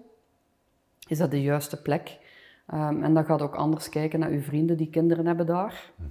En mijn man deed juist hetzelfde, die had hetzelfde gevoel. En dan uiteindelijk hebben we gezegd van, dat heeft dan geleid tot terugkomen naar België. Hè. -hmm. Dat we zeiden van, nee, we willen eigenlijk niet dat dat onze kinderen hun, hun familie niet kennen. Mm -hmm. Dat is te belangrijk. En uh, ja, we zullen ze opvoeden als wereldburgers, maar het zal vanuit België zijn. Maar dat kan ook, denk ik dan. Dus, voilà. uh, ja. ja. En uh, ze zeggen soms, een, uh, of ik ervaar het soms ook zo, als een, een gezin runnen is ook soms een beetje een bedrijf runnen. ja. Hoe is dat voor jou gegaan, zo het, ja, het, het, het moeder zijn? Je was gewoon om in een ja, toch wel een belangrijke rol in het bedrijf te fungeren, maar zo het effectief kinderen opvoeden. Ik vind dat verschrikkelijk moeilijk. ik vind dat echt moeilijk. Nog moeilijker Allee, dan een bedrijf leiden? Veel moeilijker. Ja. Allee, ik bedoel, bedrijf leiden, allee, hoeveel boeken heb je wel niet Ja. daarover? Maar een, een kind opvoeden, er bestaan geen boeken over. Er bestaan wel boeken over, maar geen enkel boek gaat u vertellen hoe dat je uw kind moet opvoeden. Hè? Dat staat er nooit in. Hè? En allee, ja, ik denk, ik doe dat zo goed als ik het kan. Ik probeer elke dag opnieuw om dat goed te doen. Ik maak heel veel fouten. Ik denk dikwijls bij mijn eigen van, goh, dat heb ik echt niet goed aangepakt en ik had zus en ik had zo. Maar het geluk is dat een kind is enorm vergevingsgezind. Hè. Enorm. hè. Vergeet te snel. En die vergeten heel snel. Hè. En eh, ook als je er ruzie mee maakt, pff, tien minuten later zijn die dat vergeten. Hè. Hoe geweldig is dat eigenlijk? En dan kun je dat weer bijleggen. En allee, ja. Dus dat is het geluk eraan. Je, je, je weet begot niet waar je mee bezig bent. We doen maar En wat. je doet maar wat. Maar die kinderen die helpen u gewoon om, om, ja, om in te zien van oké, dit was wel goed en dat was minder goed. Ja, daar moet ik iets uit leren. Volgende keer gaan we dat proberen beter te doen. Hè? Dus ja, dat is veel moeilijker als een bedrijf. Hè? Dan naar mijn gevoel. Ja. Maar toch zo, de, de, het, je hebt het gevoel dat er een, ehm, een, een hielde was voor eh, de Voor kinderen en na kinderen. En na kinderen, toch wel? Ja, ja, Ja. ja. Ik ben ook een veel emotioneler persoon geworden Oké. na kinderen. Op welke manier? Ah, ik kan ik eens goed zitten wenen met een film. Dat zou ik nooit gedaan hebben vroeger. Eh, of ja, tranen voelen opkomen omdat uw kind iets doet dat echt wel iets moois is of gelijk wat. Dat was vroeger ook echt niet het geval. Het is niet dat ik geen emoties had of zo, dat helemaal niet. Hè, maar ik ben wel veel emotioneler geworden. Ik heb ook veel beter leren begrijpen waarom mijn ouders dingen doen die ik vroeger helemaal niet begreep. Hè? Het feit dat zij dat hebben moeten tolereren dat ik elf jaar, twaalf uur vliegen weg was, dat heb ik nooit begrepen tot ik kinderen had. Het is maar met kinderen te hebben dat je zegt van god en heer, ik zou het niet willen hebben. Hè? Ik zou wel willen dat ze naar het buitenland gaan, daar is geen probleem mee, maar ja, aan de andere kant van de wereld gaan zitten, hè? zo lang. Nee, ik denk ook niet dat ik er blij mee zou zijn als ouder. Ik snap dat wel. Maar je nu. zou, je zou het wel toelaten. Of je zou Maar ik zou het wel toelaten, uiteraard Ja, zou ik het toelaten. Het is een enorme verrijking van, van u als persoon, hè, om zoiets te doen. Mhm. En uiteindelijk, allee, ik vind wel belangrijk dat je, dat je je eigen blijft ontwikkelen. En dat je blijft werken aan jezelf. Je zet nooit... Allee, er is geen... Er is geen, ehm, er is geen eindpunt aan leren. Je moet constant blijven leren. Ze zijn nooit afgestudeerd. Je bent nooit afgestudeerd. En zo'n zo'n ervaring als naar het buitenland gaan, dat is een leerproces op alle vlakken. hè? Professioneel, persoonlijk, emotioneel. allee. En dat mogen de mensen niet ontzeggen. Als, als mijn kinderen daar interesses in hebben, ik ga die niet tegenhouden hoor. Ik ga dat stimuleren. En wat wil je hen meegeven? Wat vind je belangrijke waarden om hen, eh, om hen mee te geven? Ehm, breed denken. Eh, vooral niet, te- niet te bekrompen. Hè. Eh, de wereld is veel groter dan wat wij hier zien en meemaken op dagdagelijkse basis. Ehm, ik persoonlijk sta in het leven als, een, als, een, als iemand die vertrouwen geeft voordat ik het Allee, ik moet het niet verdienen. Eh, Allee, hoe moet ik het uitleggen? Dus als ik iemand leer kennen, dan geef ik in eerste instantie mijn vertrouwen. Sowieso. Sowieso. Ja.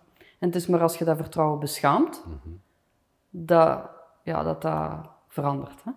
Maar in eerste instantie probeer ik mensen open, met een open blik, met vertrouwen te benaderen.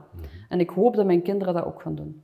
Want ik, weet, ik ken ook mensen die juist het tegenovergestelde doen. Die zeggen van oké, je moet mijn vertrouwen winnen, Verdienen. verdienen, Ja. verdienen. Ja.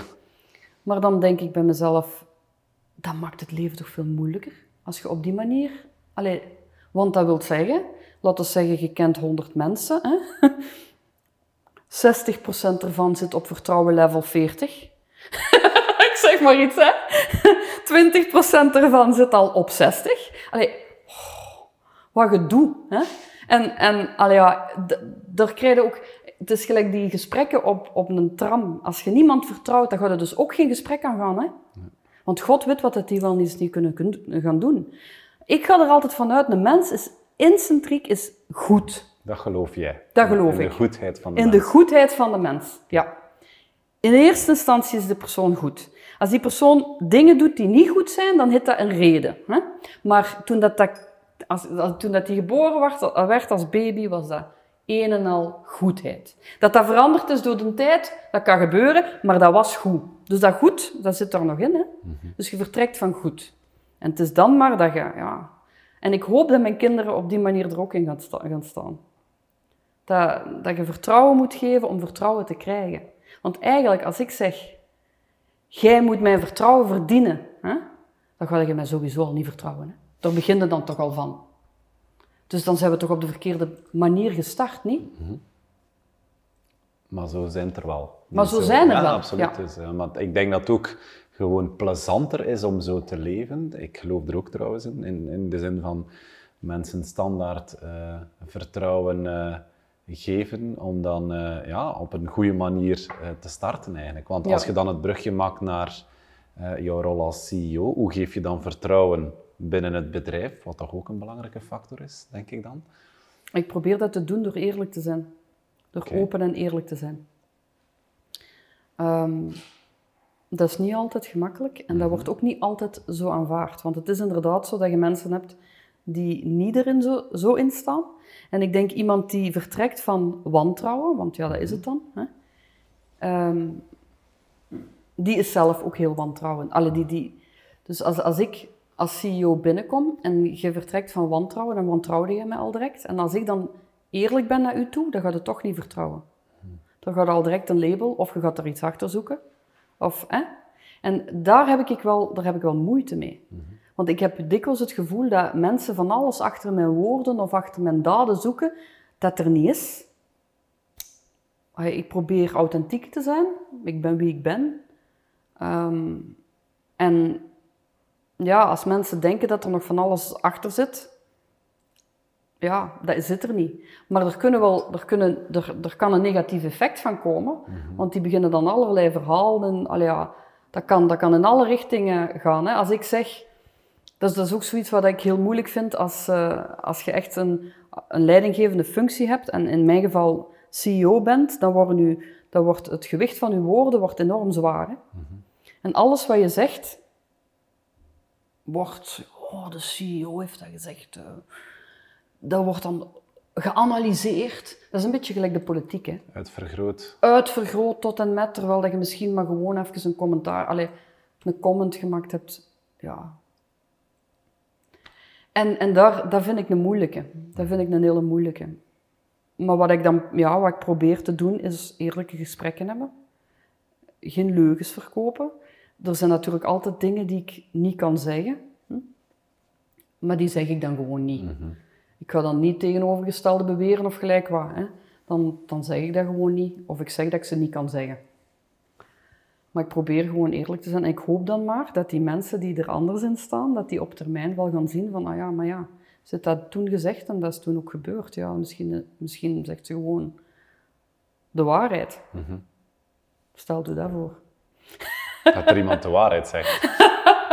Want hoe belangrijk is, is, want we zijn nu eigenlijk een beetje over cultuur aan het spreken, hoe belangrijk is cultuur voor jou? Ehm, ik, ik zou zeggen, een cultuur is belangrijk in de context van andere culturen. Ik vind eh, diversiteit superbelangrijk. Hè, een van de dingen waar ik eigenlijk wel fier op ben van, van ons bedrijf, van SIA, is dat wij een enorme diversiteit hebben. Nog niet genoeg naar mijn goesting, maar eh, we hebben nu denk ik 14 verschillende nationaliteiten in de organisatie. Ehm, dat is wel voornamelijk geconcentreerd in België. En, en in, eh, eigenlijk, ik moet het anders zeggen, dat is voornamelijk niet geconcentreerd, of, of het is minder zo, in Tsjechië en in Slowakije. Daar is het nog redelijk homogeen. En dat vind ik spijtig, en dat zou ik graag anders zien, maar dat is moeilijk. Maar in de andere locaties hebben we echt een hele grote diversiteit van eh, culturen die samenkomen. En ik vind dat die smeltkroes eh, is voor mij heel belangrijk. Dat is ook hetgeen wat ik enorm geapprecieerd heb in San Francisco, maar ook in LA, die smeltkroes van culturen is enorm verrijkend. Dus als je zegt cultuur, wat is belangrijk voor mij? De, het oppikken van andere, van andere culturen en er iets uit leren en er iets mee doen en je cultuur laten evolueren. Een van de dingen die, ik, die me tegen het borst, de borst stoot binnen Vlaanderen is dat wij zo hard vasthouden aan wat was. We moeten meegaan in, we moeten mee evolueren. Dat is gelijk taal. Hè? Mijn taal is niet goed. Hè? Ik bedoel, mijn, uh, mijn algemeen Nederlands niet goed. En ik kan hier nu wel proberen om in het Nederlands te praten, maar dan voel ik me heel ongemakkelijk, dus dat doe ik gewoon niet. dus, uh, maar het punt is, die taal die evolueert ook. Hè? Als je ziet welke woorden daar in onze taal binnensluipen, dat is een evolutie. Hè? Dat kun je niet meer vergelijken met tien jaar geleden, maar dat is met onze cultuur juist hetzelfde. Dus vasthouden aan onze cultuur van vroeger is de verkeerde insteek, naar mijn, mijn gedacht. Het is juist het, het, het laten smelten van de verschillende culturen. En de goede dingen uit al die culturen proberen te, te pakken, te mhm. krijgen. Dat is wat we moeten doen. Dat is mhm. wat... Zo zie ik cultuur. Hm? Mhm. En gaat dat ooit één homogeen iets worden? Nooit, denk ik. En dat moet ook helemaal niet. Dat is niet nodig. Maar we moeten wel openstaan voor al die culturen en, de, allee, ja, en, en, en er dan iets mee doen. Want uiteindelijk vertaalt zich dat ook binnen jullie bedrijfscultuur dan. Hè? Ja. Uh, van oké, uh, in hoeverre zijn jullie bezig met uh, waarden waar, jullie, waar jullie achter staan? Is dat iets waar jullie actief mee bezig zijn of net niet? Met die, met die diversiteit? Ja, diversiteit, bedrijfscultuur, ja. transparantie hoor ik jou zeggen, eerlijkheid. Ja, ja. dus um, ik moet zeggen, die diversiteit dat wordt regelmatig aangehaald. Mm -hmm. Ik vind dat ook heel belangrijk. En uh, bijvoorbeeld ook diversiteit in mannen en vrouwen. Mm -hmm. Daar ben ik nog niet zo geweldig ver in geraakt, omdat het niet zo gemakkelijk is om software- en uh, bouwingenieurs te vinden dat vrouwen zijn. Mm -hmm. Dat is echt een moeilijke. Um, maar bijvoorbeeld mijn managementteam is zo goed als gebalanceerd nu. Toen ik daar binnenkwam waren het allemaal mannen. Mm -hmm. Nu is het echt een balans tussen mannen en vrouwen. Daar ja. ben ik fier op. Dat vind ik fijn. Uh, ik vind dat ook heel belangrijk. Dus um, en, en het is ook, het is ook, uh, het is ook niet allemaal Vlaams en het is ook niet allemaal, hè? dus het is ook wel ge, op dat vlak divers. Mm -hmm. Dus ja, er wordt over gesproken met het team allee, en, en dat zijn dingen die wij regelmatig aanhalen. Dan op openheid, we hebben heel veel communicatie. Wij doen all-hands meetings elke, maal, uh, elk kwartaal. We hebben tussenin communicaties. Nu met de coronasituatie -hmm. doen we elke maand een all hands. -hmm. Waarin dat we soms gewoon babbelen met elkaar. Om te zeggen van oké, okay, uh, wat leeft er? Uh, wat gebeurt er? Uh, dus die openheid die vind, ik wel, vind ik wel heel belangrijk. -hmm. ja. Ik probeer er heel hard aan te werken en dat is echt geen gemakkelijke. Want ik heb soms het gevoel dat hoe meer dat we communiceren, hoe moeilijker het gaat. En dat is natuurlijk niet zo, maar het is wel zo, hoe meer dat je communiceert, hoe meer dat er ook ingelezen kan worden. En hoe meer dat er ook verhalen rond kunnen ontstaan. Mm -hmm. als je niks communiceert, ja. Maar als, als er iets gecommuniceerd wordt, dan kan er ook iets mee gedaan worden. En mm -hmm. dat is dikwijls een moeilijke voor mij. Mm -hmm. um, omdat je dan af en toe, ja, ik heb, allez, ik heb dan echt het gevoel van, probeer hier echt mijn best te doen om het team zich goed te laten voelen, om open te zijn, om eerlijk te zijn. En dan, dan krijg je zo precies het tegenovergestelde effect. Mm -hmm. En dan denk je van, mensen, lieve deugd, hoe moet ik het dan aanpakken? Mm -hmm. Wat moet ik dan doen? Hè? Maar dat is wel iets waar wij heel actief mee bezig zijn, ja. Mm -hmm. Want ik vind uiteindelijk, een bedrijf, dat bestaat niet, hè. Het is een team dat bestaat. Hm? En het team maakt dat bedrijf. Maar dat bedrijf aan zich is een hol iets, er zit niks in. Dus dat team is belangrijk. En ik, ik, ik zeg dat, ik doe dingen daar rond, maar ik heb soms het gevoel dat dat toch niet zo gezien wordt. Mm -hmm. Omdat er natuurlijk ook andere elementen zijn. Er is ook een revenue die je moet halen, er is ook een EBITDA. Mm -hmm. Dus dat wil zeggen dat je ook niet zomaar alles kunt doen. Dat is ook zo. Mm -hmm. Je zit binnen bepaalde constraints waar je binnen kunt, moet werken. En soms wordt dat geïnterpreteerd als zijnde van, ah ja, maar ja, dus eigenlijk dat team is niet belangrijk, want kijk, we moeten toch dit of we moeten toch dat. Nee, de twee gaan samen. Mm -hmm. hè? En het team is wel heel belangrijk. En ik denk, uh, ja, dus daar, daar zitten wij heel dikwijls over te praten, ook in het managementteam, van hoe pakken we dat hier goed of beter aan? Um, ja. Wat is volgens jou de belangrijkste rol van een CEO? Ehm, een goed team samenstellen. Dat is de eerste, in eerste instantie. Zorgen dat, dat je goede mensen hebt die met, met de organisatie mee kunnen werken. Ehm, en dan ehm, een, een richting uitstippelen. Waar gaan we naartoe? Waar willen we naartoe? Samen, met, u, met uw team natuurlijk. Hè? Ehm, dus een beetje een visie, een visie zetten en eh, inspireren. Ja. Dat is waar jouw meeste tijd naartoe gaat, die twee, drie dingen wat je nu vertaalt? Of, uh... Ja, het meeste van mijn tijd gaat naar het teams. Hè. Naar de, naar de uh, menselijke aspecten van... Ik denk soms, ik heb dat ooit iemand horen zeggen, dat die zei van ik ben geen CEO, ik ben HR, dat is al wat ik doe. en dat, dat is, voor een groot gedeelte is, dat wa- gedeelte is dat waar. Je moet heel veel met de mensen bezig zijn.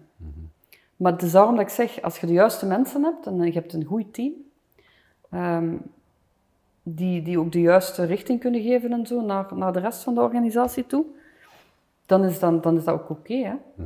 dan, dan, waar gaat het dan om? Het gaat erom om die mensen te laten groeien. Om die de, de volgende stap te kunnen laten nemen. Hè? Uh, of dat dat nu in het, in het leiden van een team is, of in um, de topic at hand, hè? maakt niet uit wat het is. Maar dat, dat groeiproces, ja, dat vraagt heel veel uh, persoonlijke allee, werk, persoon, one-on-one. En, en daar, daar werk ik, daar steek ik heel veel tijd in, ja. Dus je bent wel een people manager, als ik het uh, Zo zie begrijp. ik mezelf wel. Ja. Ik weet niet of dat iedereen zou zeggen dat ik dat ben. Hè? Stel dat ik vijf mensen zou bellen van uh, SIA en ik zou vragen, hoe zou jij Hilde omschrijven? Wat zouden ze zeggen? Hmm.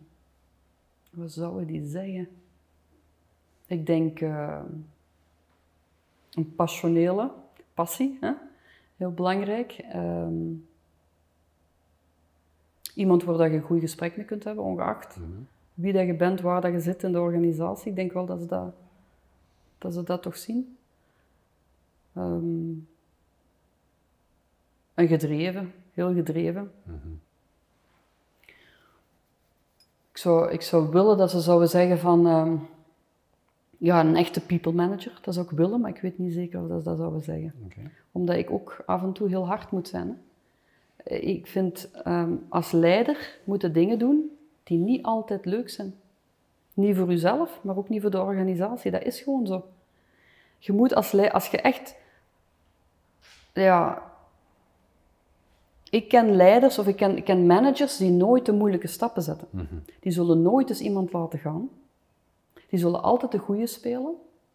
Maar het probleem is dat dat niet werkt. Mm-hmm. Als je uiteindelijk verantwoordelijk bent voor 120 man en er zit iemand tussen die die groei van dat team tegenhoudt op een of andere manier, hè, of dat dat nu in het product is of in, in de motivatie of in de mindset of maakt niet uit hoe, en dan moeten de beslissing durven nemen en te zeggen van we moeten die persoon laten gaan. Mm-hmm.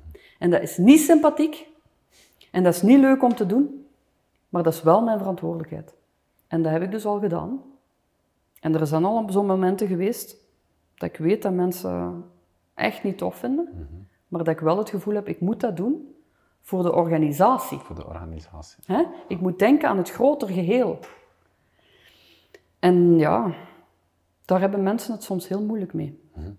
En jijzelf? Ik heb het er ook heel moeilijk mee. Mm -hmm. Ik vind dat helemaal niet plezant om te doen. Maar ik neem wel de verantwoordelijkheid. Maar sterk leiderschap is moeilijke beslissingen durven, durven nemen. nemen. Ja. ja. inderdaad. Ja. Wat is jouw grootste valkuil als leider, bedrijfsleider? Goh, mijn grootste valkuil. Ik denk, als ik kijk naar de dingen waar ik van denk, oké, okay, ik had dat echt wel anders moeten aanpakken, dan heeft dat dikwijls met vertrouwen te maken.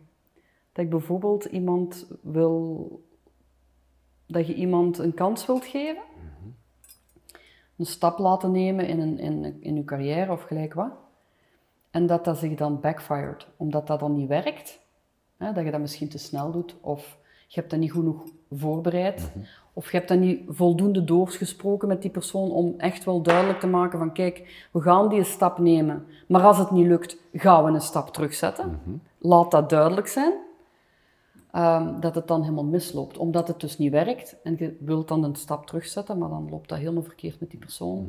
-hmm. um, En dan loopt dat verkeerd af. Dat zijn zo echte dingen waar ik van denk, ik heb er zo wel een aantal fouten gemaakt. En is dat dan omdat ik iemand te snel een opportuniteit geef? Ik denk niet dat ik daar, dat, dat de fout is. Ik denk dat de fout is hoe ik het aangepakt heb. Hoe dat ik verduidelijkt heb wat dat betekent. Qua En communicatie dan. qua, ja, hoe dat ik gezegd heb van oké, dat wil dus ook wel zeggen dat als het niet lukt, dat we ook actie nemen. En die actie ziet er zo uit. Hè? Dat is misschien met een positieve insteek, dat ik denk, dat, Dat wel gaat wel goed komen. Gaat wel goed komen. Maar dan komt dat niet goed.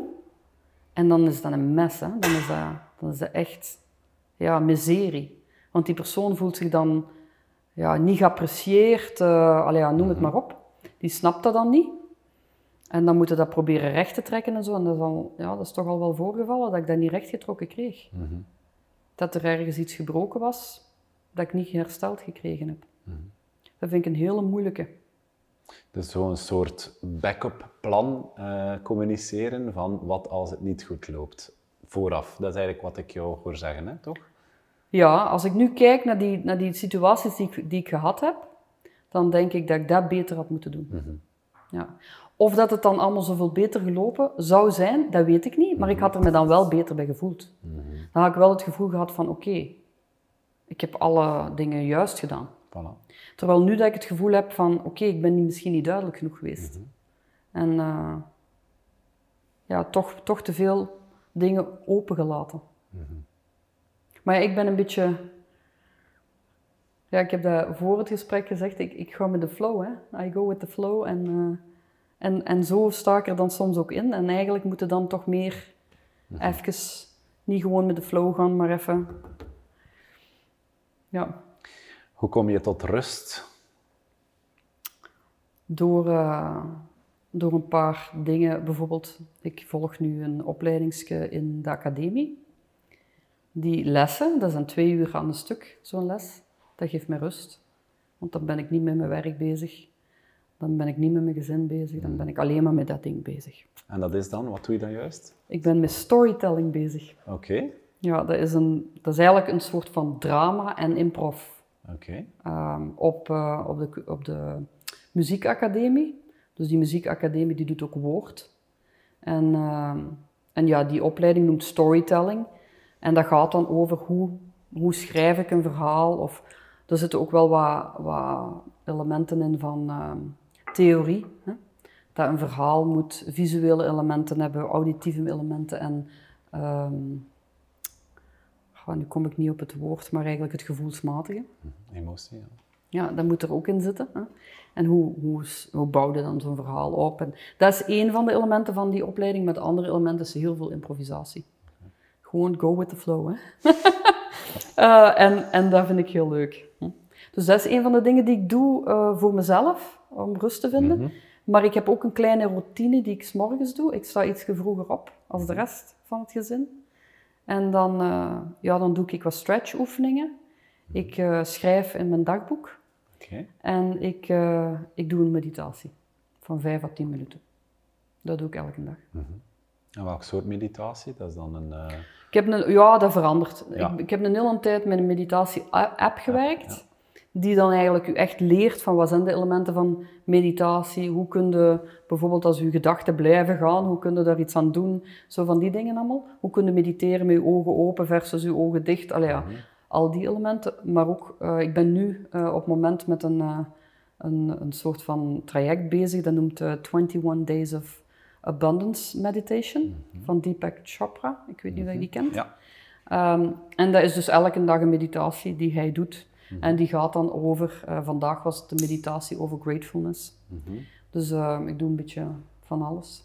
Ja. Ik, doe geen, ik doe meestal begeleide meditaties. Niet op je eentje. Niet op mijn eigen, nee. Nee, nee, nee. Ik, heb, ik heb daar... Ik vind dat wel aangenaam dat je zo iemand erover over hoort te praten. En, allee, ja. In plaats van zelf je eigen instructeur te zijn. Ja, inderdaad, ja. Oké. Ja. Wat is jouw, jouw grootste angst? Waar lig je s'nachts wakker van bijvoorbeeld? Ja, op het moment dat, mijn pa het niet, eh, niet zou redden, hè, omdat hij ziek is. Ehm, daar lig ik nu op het moment wakker van. Eh, voor de rest, wat is mijn grootste angst? Dat ik, eh, dat ik geen meerwaarde zou kunnen bieden. In de zin van als ik nu morgen doodval, hè? ik denk er soms over na, van, zou ik dan content zijn van mijn leven? Ik denk het wel. Ik heb het gevoel dat ik heel veel gedaan heb, dat ik eigenlijk, als ik morgen doodval, dan heb ik niet zoveel om spijt van te hebben. Maar dan vraag ik me wel af, heb ik eigenlijk iets waardevol kunnen meegeven? En daar, daar stel ik me wel vragen over. Dus als ik dan denk aan uh, hoe, wat betekent dat dan? Hè? In de context van kinderen betekent dat natuurlijk iets helemaal anders dan in de context van business. Maar ik vind dat wel belangrijk dat ik het gevoel heb, kan hebben um, ja, dat, ik er toch iets toe deed. En dat ik iemand bijvoorbeeld um, iets heb kunnen leren of, of heb, heb kunnen laten groeien. Of bijvoorbeeld met mijn kinderen. Ik, uh, ik stel elke avond een paar vragen, waaronder, waar ben je dankbaar voor? Een van de dingen dat ik echt wil, dat ze leren, is dankbaarheid. Omdat ik weet hoe belangrijk dat, dat is voor je eigen geluk. als je niet dankbaar kunt zijn, dan leef je altijd in de toekomst of in het verleden. En dan, ja, daar worden niet gelukkig van. Dus dat element vind ik heel belangrijk. Dus als ik morgen doodval, dan hoop ik dat mijn kinderen dat toch meenemen en dat ze dan aan hun papa vragen, wilde je de vraagjes van de mama nog eens stellen? Mhm. Want er zit dan die dankbaarheidsvraag tussen. Mhm. En um, ja, zo'n dingen. Daar lig ik dan van wakker, dat ik denk van, doe ik er eigenlijk wel genoeg mee? Wat kan ik nog doen? Uh, hoe, hoe moet ik het aanpakken om, om, ja, om, om op, op zo'n vlakke een verschil te maken? Om impact te hebben. Uh, impact, ja. ja. Welke vraag stelde nog aan uw kind? Dat zijn nog de drie vragen. Uh, ik, de, vraag, de vragen die ik stel zijn... Uh, wat was het leukste vandaag? Uh -huh. Wat was het stomste vandaag? Uh mhm. -huh. Waar ben je dankbaar voor? En heb ik jou vandaag al verteld hoe graag ik je zie? Ah, mooi. Ja. ja. En dan zeggen ze altijd nee, hè, terwijl dat dan niet zo is natuurlijk. Hè? Maar ja, goed. dan een keer een... Uh, ja, ja, ja, dat zijn de vragen die ik stel, ja. ja. En dat vind ik... Uh, dat is zo mijn manier om even ja, stil te staan bij hun dag. Want dat doen ze zelf ook niet. Hè. Mm -hmm. daar staan die niet bij stil. Dikwijls is dat zo van, wat was het leukste vandaag? Ja, wat hebben we eigenlijk vandaag allemaal gedaan? Ik weet het niet meer. Hè. En dan moeten ze zo, ja, dit is er allemaal gebeurd, dat is er allemaal gebeurd. Ah ja, ja, ja, ja, ja. Ah, maar dan vond ik dat of dat het leukste. En hetzelfde met, wat was stomste? Heel dikwijls is ze zeggen, er was niks stom vandaag, mama. En dan zeg ik van, ja, vonden die, die ruzie nu niet stom? Ja, dat vond ik eigenlijk wel een stomme ruzie. Gaan we dat niet proberen te veranderen dan in het vervolg? Ja, ja, we gaan de andere aanpakken. Oké, ja, ja, goed. En dan, ja, waar ben je dan dankbaar voor? En dat is dan, dan, dat is dan variëteit van dingen. Hè. Mhm. Dat kan zijn dat ik bij Brawl Stars een nieuwe, een nieuwe uh, hoe noemt dat dan? Uh, ja, dat zijn zo van die vechters zeker. Ja.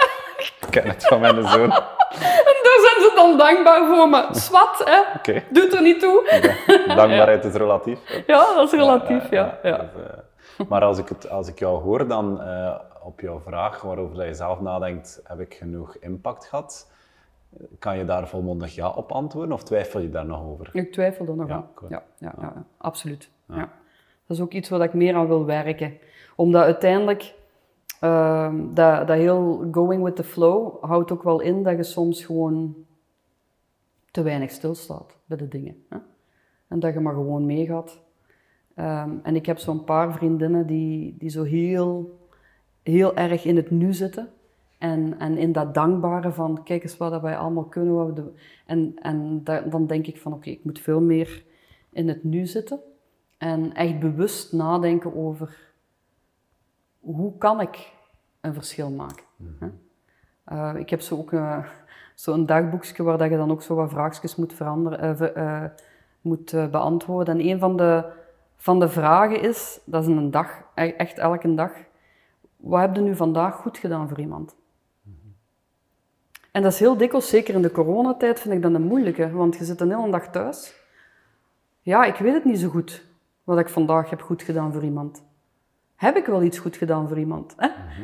En dan, ja, dan denk je erover. En ik denk, daar ben ik wel mee bezig. Mhm.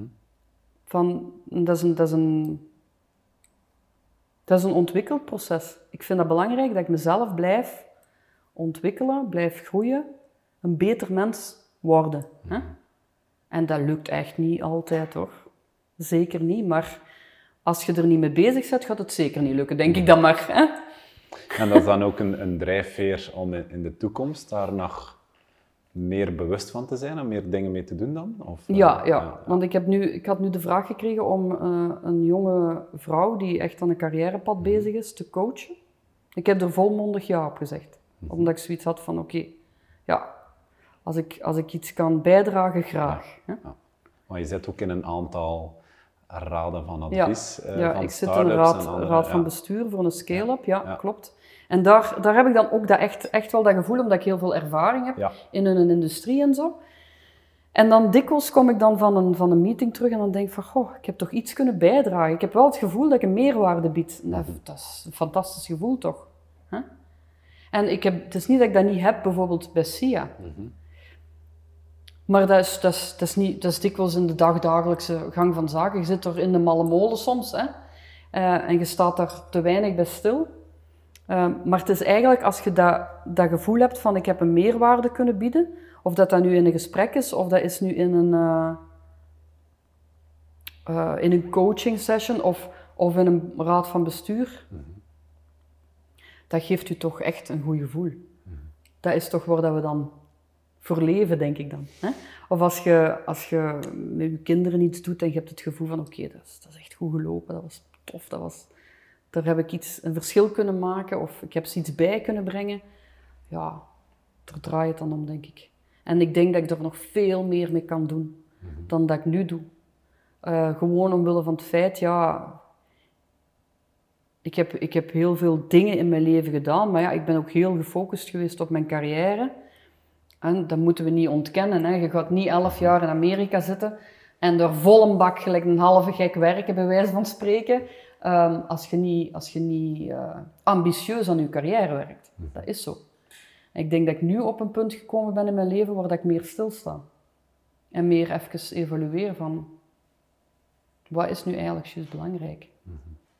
In plaats van altijd maar voor te doen en eh, Ja. hoger en beter en sneller. En, Ja, ja. Inderdaad. Wat wil je nog in, doen in het leven? Wat is jouw droom nog? Mijn droom is dat ik een goed traject afleg om mijn kinderen door de tienerjaren te loodsen. Zonder te veel ruzie. Ik heb heel veel ruzie gehad in mijn tienerjaren met mijn ouders. Heel veel. En dat wil ik niet voor mijn kinderen.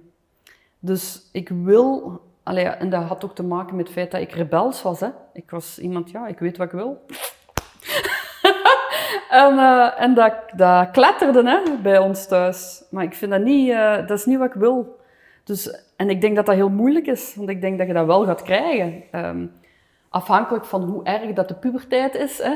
Maar eh, dus ik, dat, is, dat is een van de dingen dat ik echt wel wil, dat ik hoop dat dat, dat voor mijn kinderen minder bumpy is dan dat dat voor mij geweest is. Harmonieuzer dan... eh, Harmonieuzer, ja. Dan, eh, want het heeft echt wel een tijd geduurd voor mij om, eh, om, om die goede band met mijn ouders op te bouwen. Hè, na die turbulente periode. Ehm, dus dat, daar hoop ik dat ik, daar veel, dat ik dat beter kan doen. En dat zegt niks over mijn ouders. Hè. Want ze hadden mij ook als kind, hè, uiteindelijk. Maar ehm, ja, daar hoop ik dus dat dat goed kan verlopen. En dan, ehm, dus dat is op vlak van moeder zijn. Mhm. En hoe wil je dat doen? Door vooral open te blijven. Door te luisteren naar wat dat hun beleving is. Dat is ook een van de redenen waarom dat ik die vragen stel nu. Ik ga die vragen niet kunnen beginnen als ze ene keer tiener zijn. Dat gaat niet lukken. Die zeggen, wat vragen nu? Ja, inderdaad. Ja. Hè? Dus, maar als ik ze nu begin, oké, dan als ze tiener zijn, gaan ze misschien wel zeggen, zeg moeder. ah." Maar, eh, maar het gaat wel gemakkelijker zijn om, de, om het gesprek aan te gaan. En ik denk dat, dat, ja, dat, dat ik dat vooral wil. Dat er een, dat er een dialoog blijft. Hè? Dat, dat, dat ik niet afgeblokt word. Eh, omdat ze vinden dat ik ouderwets ben of dat ik dit of dat ik dat. Hè? Maar dat ze weten dat, oké, moeder is misschien ouderwets. Of hè, is niet mee meer een tijd. Eh, maar ze is er wel om het gesprek mee aan te gaan. Ze is er wel om te luisteren naar mij. Hè? Dus zo wil ik dat, zo wil ik dat proberen. Ehm, ja. Dus dat vind ik, dat hoop ik dat ik kan doen. Ehm, en verder, ja, in mijn carrière hoop ik dat ik dus echt veel meer kan mensen kan helpen in hun groei. Ik vind dat ik dat nog altijd veel te weinig doe, ook binnen het bedrijf. Ik word dikwijls opgeslorpt door ja, de gang van zaken of dingen die afgeleverd moeten worden, opgeleverd moeten worden en zo. Dat ik gewoon bewust meer tijd kan maken voor mensen om ze te laten groeien. Ehm, ja, op die manier een invloed kan hebben. Mooi. En, en welke boodschap wil je nog meegeven aan collega-bedrijfsleiders?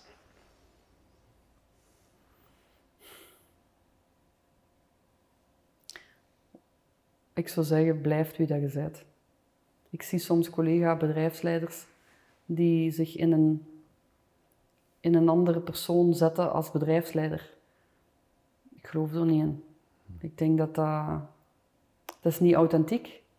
Dus dat voelt stroef en verkeerd aan. En mensen pikken dat toch op. Je kunt gewoon veel beter zijn wie je bent, met de, met de good en de bad. Ehm, ja. En voor de rest, neemt dus wat risico. Alhoewel dat ik moet zeggen, dan kijk ik recht naar mezelf. Ik neem ook niet voldoende risico binnen ons bedrijf. Ehm, dat is waar. En dat, is, dat heeft met, bijvoorbeeld onze holding te maken en eh, sommige externe zaken ook. Maar, eh, maar ik denk dat dat belangrijk is, dat je gewoon probeert dat je bold durft te denken. Ja, dat je, dat je een, een, een verre droom kunt hebben. Eh, mijn vader zegt altijd, mik hoger dan het doel, het schot daalt bij het vallen.